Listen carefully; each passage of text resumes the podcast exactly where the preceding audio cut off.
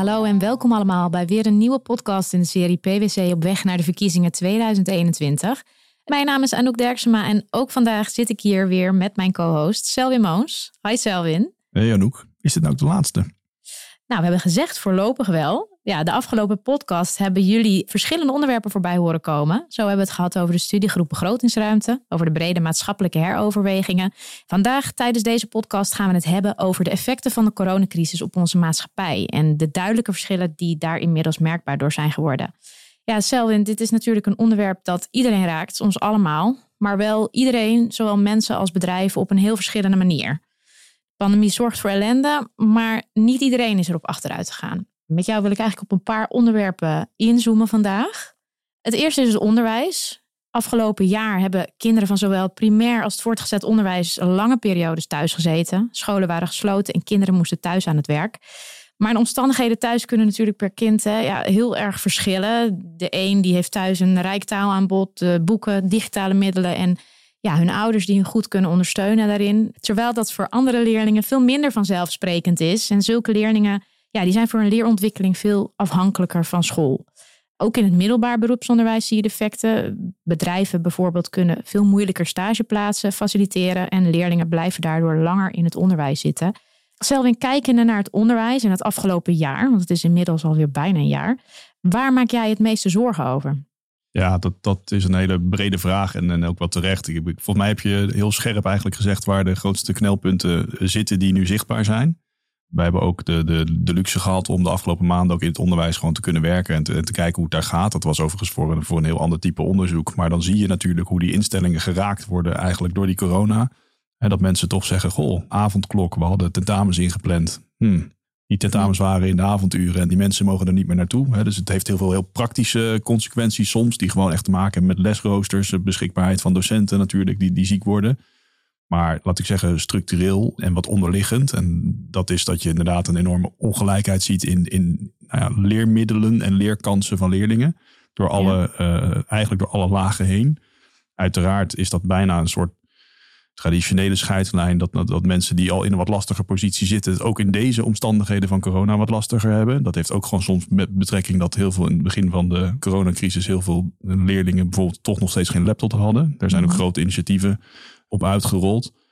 Nou ja, de, de stageplekken noemde jij al. Ik denk dat er gewoon een, een, een grote ja, scholingsuitdaging is, die waarschijnlijk ook iedereen die kinderen heeft bijvoorbeeld wel herkent. Van, nou, het was lastig, eh, even los van of je een laptop had of niet, om, om die kennisoverdracht op tak te houden. Je ziet nu dat er na wordt gedacht om bijvoorbeeld bepaalde cohorten de opleiding van te verlengen. Vandaag was op het journaal van moeten de eindexamens niet wat later in het jaar plaatsvinden? Nou, dat is nog onduidelijk, maar dat is ook logisch. Want men wil gewoon de mogelijkheid hebben om iets langer op die middelbare scholen bijvoorbeeld langer les te geven. Tegelijkertijd zien we en weten we van het MBO dat men daar ook nadenkt om een bepaalde cohorten die nu anders les hebben gekregen of geen stage vinden, om de, om de opleiding gewoon te verlengen. En dat is in een poging om het gat wat dicht te lopen. Kijk, iets structureler gezien zie je gewoon dat er nou ja, ook wel op mensen die beroepskeuzes bijvoorbeeld gemaakt hebben in het MBO voor sectoren die keihard geraakt zijn door die crisis. En ik denk dat daar ook weer een, een veel langer termijn effect op zit van hoe gaan die mensen dan doorleren en, en aansluiting vinden op die arbeidsmarkt, die historisch uitstekend is in MBO en HBO. Dat blijkt ook uit dat andere onderzoek wat binnenkort wel naar buiten zal komen. Maar waar je nu toch ziet dat uh, ja, de, de opleiding tot stewardess zit er bijvoorbeeld bij. Ik zou daar heden ten dagen echt anders tegenaan kijken dan toen die mensen drie jaar geleden op die studie intekenden. Uh, ja, horeca, precies. precies hetzelfde. Nou, zo kan je er nog een paar uittekenen waar, waar ik denk dat mensen toch ook echt zitten te twijfelen van, ja, nou, wat is mijn baan? Ja, evenementensector, wat is mijn baan straks precies? En misschien ook wel, hoe kan ik mezelf herscholen? En daar, dat, in dat herscholen, daar zit denk ik een hele grote vraag van, van hoe gaan ook die MBO's, dat hebben ze ook geuit, hoe gaan, hoe gaan die MBO's daar zelf ook op inspelen, bijvoorbeeld om een rol wel structureler even te hebben, om mensen die aanpassing te gaan maken. En dat is, eh, laat ik zeggen, het ongewisse, maar ook wel het spannende. Er gaat best nog wel een paar jaar eh, wat moeten gebeuren om mensen weer in een goede aansluiting op die arbeidsmarkt te krijgen. Ja, het kan echt nog wel een enige tijd gaan duren. Ja, zeker. Kijk, we komen straks volgens mij nog wel bij wat planbureau erover zegt. Maar, maar ga er maar vanuit dat je wel een jaar of vijf bezig bent, waarschijnlijk in de, in de uitdaging zoals die ligt. Nou, tot zover het onderwijs. Ik denk dat velen van ons inderdaad punten die we hebben genoemd herkennen. En ook hè, het verdelen van de aandacht onder de kinderen. En ook je eigen werk kunnen blijven uitvoeren. Dat is ook al een, eh, een uitdaging op zich. Uh, ja, ik noemde het in het begin al. Hè. De pandemie zorgt voor narigheid voor velen. Maar er zijn ook mensen en bedrijven die het juist enorm goed hebben gedaan het afgelopen jaar. Ja, kijk naar de bouwmarkten, de tuincentra en ja, ook supermarkten. Daar zijn mensen eigenlijk veel meer gaan uitgeven. Cijfers van het CBS laten zien dat we zeker 10% meer uitgeven aan voedsel, drank, tabak. In maart gingen veel aandelen weer naar beneden, maar inmiddels uh, zijn die weer flink gestegen. En ja, met bedrijven in de tech-industrie, daar ging het eigenlijk al heel goed mee. Maar juist de crisis heeft daar nog eens een extra impuls aan, uh, aangegeven. Vorig jaar hebben consumenten massaal gespaard. In totaal kwam er volgens de Nederlandse bank bijna 42 miljard euro bij op de spaar- en betaalrekeningen van Nederlandse huishoudens. Dat is een stuk meer dan de jaren daarvoor. Zo kwam er in 2019 21 miljard bij en in 2018 was dat minder dan 10 miljard. Ja, dat kwam natuurlijk ja, door de coronacrisis dat er zoveel gespaard is. Het beschikbare inkomen van vele huishoudens bleef op peil. Maar door de onzekerheid en natuurlijk ook de gedeeltelijke lockdown kochten we een stuk minder. Maar ja, er zijn ook veel bedrijven en mensen die nu tussen wal en schip vallen, levensreserves moeten aanbreken. Er zijn toch zo'n 2,6 miljoen huishoudens die in Nederland aangeven dat ze normaal gesproken al problemen hebben om rond te komen, maar het nu extra moeilijk hebben. Dit heeft op de lange termijn natuurlijk veel gevolgen. Wat is jouw kijk hierop, Selwin, als je kijkt naar de bedrijven die heel hard getroffen zijn en de mensen die hard getroffen zijn, versus die eigenlijk wel goed de coronacrisis door zijn gekomen? Ja, ik denk, dat raakt voor zoverre ook wel aan het vorige onderwerp en hebben we daar niet zo benoemd. Dus, dus laat ik nu dat dan toch eventjes doen. Van, we zitten in een, in een cyclus richting verkiezingen. En ik denk gewoon dat dat herstel uit corona, in tegenstelling tot alle andere vorige jaren, waarbij al heel veel lange termijn studies lagen en behoorlijk bekend was wat je moest doen, zit er nu een grote onbekende. Hoe ga je nou herstellen? Ja. En dat geldt enerzijds, hoe ga je om met dat onderwijs waar we het net over gehad hebben, waar je gewoon ziet dat, even heel plat gezegd, hoogopgeleiden er vrij aardig doorheen zijn gekomen en thuis mensen goed hebben kunnen helpen in thuisonderwijs. En mensen die niet in die positie verkeren het een stuk lastiger hebben gehad. En dat creëert ongelijkheid. En je ziet hetzelfde een beetje gebeuren met mensen die een vaste baan hebben en gewoon geen geld hebben kunnen uitgeven. En dus, zoals jij terecht uh, zegt, met refererend naar de cijfers van de Nederlandse bank, lekker hebben kunnen sparen. En straks mm waarschijnlijk zodra het kan, nou ja, laat ik zeggen, de winkelstraten hopelijk ingaan om daar lekker geld te spenderen. Of een mooie vakantie boeken of andere dingen doen. Maar die behoorlijk goed op het individueel niveau uit die crisis komen. De vaste baan is er nog. De spaartegoeden zijn lekker aangevuld. En, en ja, het is dan een hele pittige periode geweest. Maar als de baan niet verloren gaat, dan staat men er in die zin best wel goed voor. Kijk, heel anders is het voor die groep mensen die niet dat vaste baan hebben, die niet zo hebben kunnen sparen. Kleine ondernemers die, nou, waar steeds meer over duidelijk wordt natuurlijk, uh, in bepaalde sectoren zitten die door de lockdown bovenmatig hard getroffen mhm. worden. Die dus ook niet via de digitale weg zeg maar heel veel verkoop hebben kunnen stimuleren. Kleine winkeliers, maar ook veel van de horeca. Nou ja, goed, in de reissector kan iedereen in, indenken wat daar dan aan de hand is. En die staan natuurlijk op een heel ander vertrekpunt. dus, dus de een komt eigenlijk, nou, ik zal niet zeggen ongeschonden maar laat ik zeggen, in elk geval financieel gezien vrij gezond die crisis uit en de andere niet. En, en daarbij dan nog eens een keer dat een bepaald patroon wat al zichtbaar was. Hè, dat, dat, er was al digitalisering, maar doordat men via het digitale loket nog eens kunnen blijven verkopen, zie je ook eigenlijk dat bepaalde sectorverschillen versneld zijn uitgerold geraakt. Dus, dus zij die online succesvol waren, zijn nu nog succesvoller met gigantische verkopen zij die nog niet zo online zaten, of omdat ze het niet wilden, of omdat ze in een branche zitten waar het lastig zit, ja, die zijn nog harder geraakt door die coronacrisis, want er was geen nieuwe bron van inkomsten beschikbaar. Dat creëert, ik zal niet zeggen een, een soort tweespand, maar daar zie je wel heel duidelijk verschillen natuurlijk tussen. En hoe je dat gaat aanpassen, ik denk dat daar ook een stuk van die agenda in die nieuwe kabinetsperiode over zal gaan. Of op zijn minst dat die, dat die inzichten steeds meer boven tafel zullen komen nou ik hoop ergens in elk geval dat in de nieuwe kabinetsperiode er ook aandacht voor zal zijn van hoe je met deze ontstaande ongelijkheid, die, die een bepaalde trends versnelt, hoe men daarmee omgaat.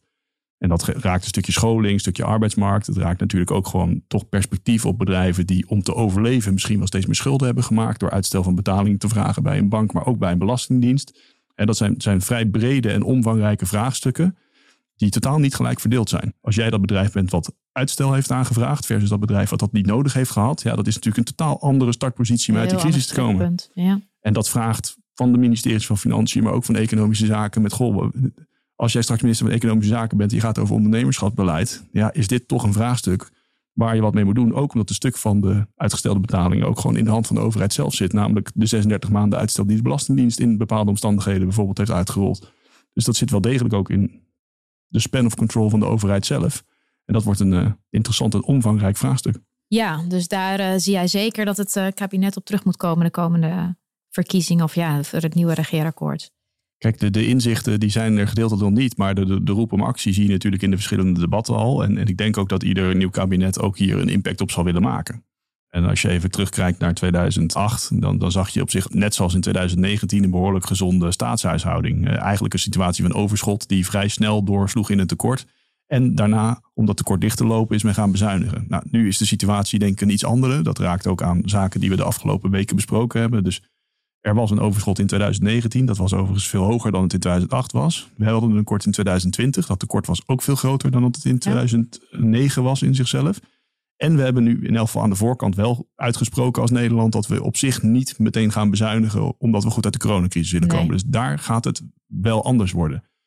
Dat gezegd hebbende was het effect van de crisis in 2008 in zichzelf, bijvoorbeeld op de arbeidsmarkt, dat duurde gewoon vijf jaar. Hè? Dus die, die hele lage werkeloosheid van 2008 toen, die in de orde omvang van 3,8% lag, die was in 2014 eh, met een werkeloosheid van een kleine 8%, 7,9%. Dus je zegt vijf jaar worsteling van de aanpassing van die arbeidsmarkt het beleid gaat anders zijn. Dus ik, zeg, ik ben niet een of andere doemprofeet die gaat zeggen dat de, dat de werkeloosheid gaat oplopen.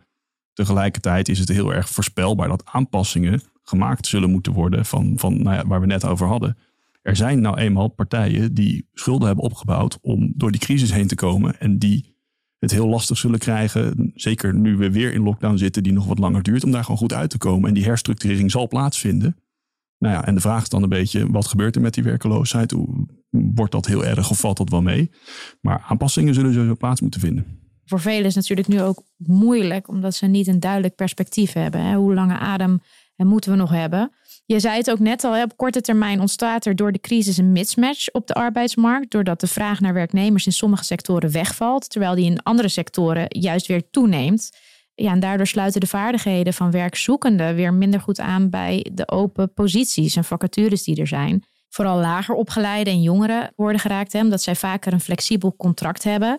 Het inkomen van ZZP'ers loopt terug door minder opdrachten en lagere tarieven. Maar toch bij economisch herstel zorgt deze flexibele arbeidsmarkt er juist ook wel weer voor dat er nieuwe werkgelegenheid ontstaat. Kijk, de flexibiliteit uh, waaraan gerefereerd wordt en het goede wat economen er altijd in zien, is dat als je ja, uh, mensen dwingt om zich aan te passen, ze zich meestal wel aanpassen. Dat betekent niet dat we dat een, een, een, proces vinden wat heel prettig is. Want als je natuurlijk je gedwongen aan moet passen, dan, nou ja, dan komt dat ook wel met wat frictie. Uiteindelijk leert uh, op de wet van de grote getallen dat een flexibele arbeidsmarkt sneller herstelt dan eentje die heel erg star is en zich lastig aanpast. En waar het ook moeilijker is om mensen te ontslaan de facto. Eh, waardoor ook bedrijven, als ze mensen niet kwijt kunnen, bijvoorbeeld in een lastige situatie terechtkomen.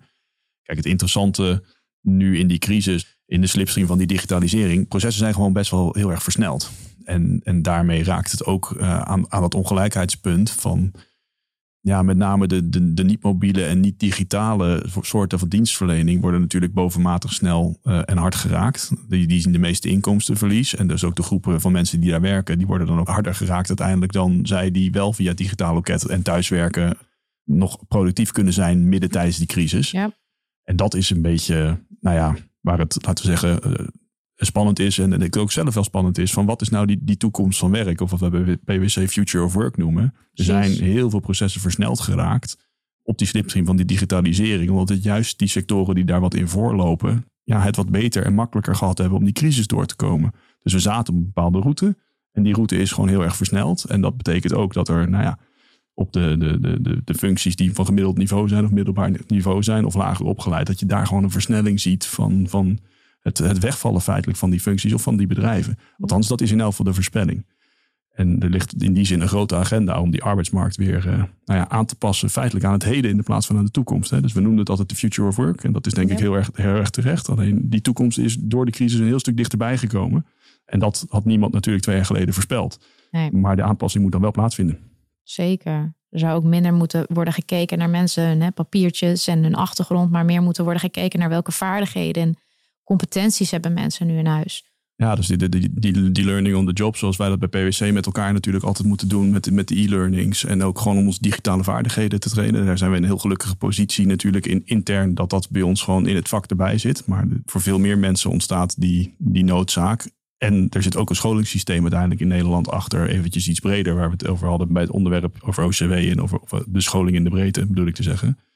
Dat je daar ziet dat Uh, leven lang leren, daar wordt al heel lang naar gekeken met hoe gaat dat nou en is dat nou effectief of niet en waarvoor stappen sommige instituten, vooral privaat, er wel in en publieke instituten weer een stuk minder. Dat heeft heel veel ook met, het, met de financiering van het scholingssysteem in Nederland te maken.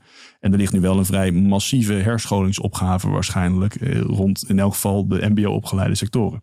Nou ja, goed, volgens mij staan er heel veel instellingen klaar die daar wel op willen inspringen. En tegelijkertijd zal er het echt aanpassen en uh, daar bijvoorbeeld het MBO wat meer modulair maken, om maar eens een zijstraat te noemen. Ja, dat zijn gigantische vraagstukken en gigantische organisatieaanpassingen. En gigantische bekostiging en financieringsaanpassingen. En die moeten allemaal nog gemaakt worden. Terwijl, nou ja, laat ik zeggen, vanuit de crisis er best wel een snelle noodzaak ligt. Dus dat noopt voor zover wel tot actie. Ja, zeker. Grote vraagstukken, belangrijke dingen, maar toch ook belangrijk om positief te blijven, ondanks de huidige situatie. Ja, dat, dat, dat uh, positief zeker. En ik, maar ik denk ook van, van er zijn natuurlijk ook wel heel veel dingen waar je, en dat is toch het voordeel, want er zijn wel heel veel zaken waarop je kan voortbouwen, die er natuurlijk al zijn. Ik had afgelopen week met, met een van onze relaties een, een, gesprek over hoe zij nou opereren. En het viel me op dat ze gewoon behoorlijk inzicht, goed inzicht hadden in wat er in Nederland nou speelt. En bijvoorbeeld wat de schuldenposities van mensen zijn. En gewoon best wel doorhebben van wat van het individu. Eh, laat me even zeggen hoe breed men al dan niet in de problemen zit. En ik denk juist dat dat soort inzichten van hoe gaat het nou echt, hè, als je kijkt naar de, naar de overheid en, en de rol die de overheid heeft, natuurlijk best wel belangrijk is om gewoon goed te monitoren dat mensen niet, laat ik zeggen, eh, en een beetje in de problemen zitten rond de gemeentelijke bijstand en misschien nog bij de BKR gebeurt er wat. En nou ja, mhm. ze waren een baan ook al een beetje, hè, dus, dus, dus er, er poppen zich parallel verschillende problemen op. En ik denk dat een van de grote kansen is in elk geval om te kijken van hoe ook die overheid met een goede vorm van, van informatie die burger als die echt wat in de knel raakt een stukje op weg te helpen. dus we hebben daar wisselende ervaringen denk ik in het verleden dat soms de overheid met de linkerhand niet 100% wist wat de rechterhand deed. Gewoon dat heel veel instellingen de beste intenties, maar parallel. Hè. Ik denk dat de jeugdzorg daar een bekend fenomeen van is. Hè. Dus parallel met een gezinnen bezig waren, maar het toch best wel lastig was om alle informatiestromen op elkaar af te stemmen. Nou, ik denk dat in elk geval in die crisis we gezien hebben nu dat je toch digitaal best wel dingen op elkaar kan afstemmen en zelfs op afstand kennelijk dat kan doen. En er zijn gelukkig ook wel instellingen binnen het Rijk die steeds beter lukt om informatiestromen aan elkaar te koppelen om daar het juiste mee te doen. En daar ik zeggen, dat soort kleine dingen die ook door technologie kunnen, dat maakt me dan ook wel hoopvol dat je in potentie wel goed in elk geval de mensen die in problemen komen in deze crisis uh, verder kan helpen. Ja, dus misschien moeten we het ook wel zien als een kans. Ik bedoel, de problemen en de pijnpunten die zijn heel duidelijk zichtbaar geworden.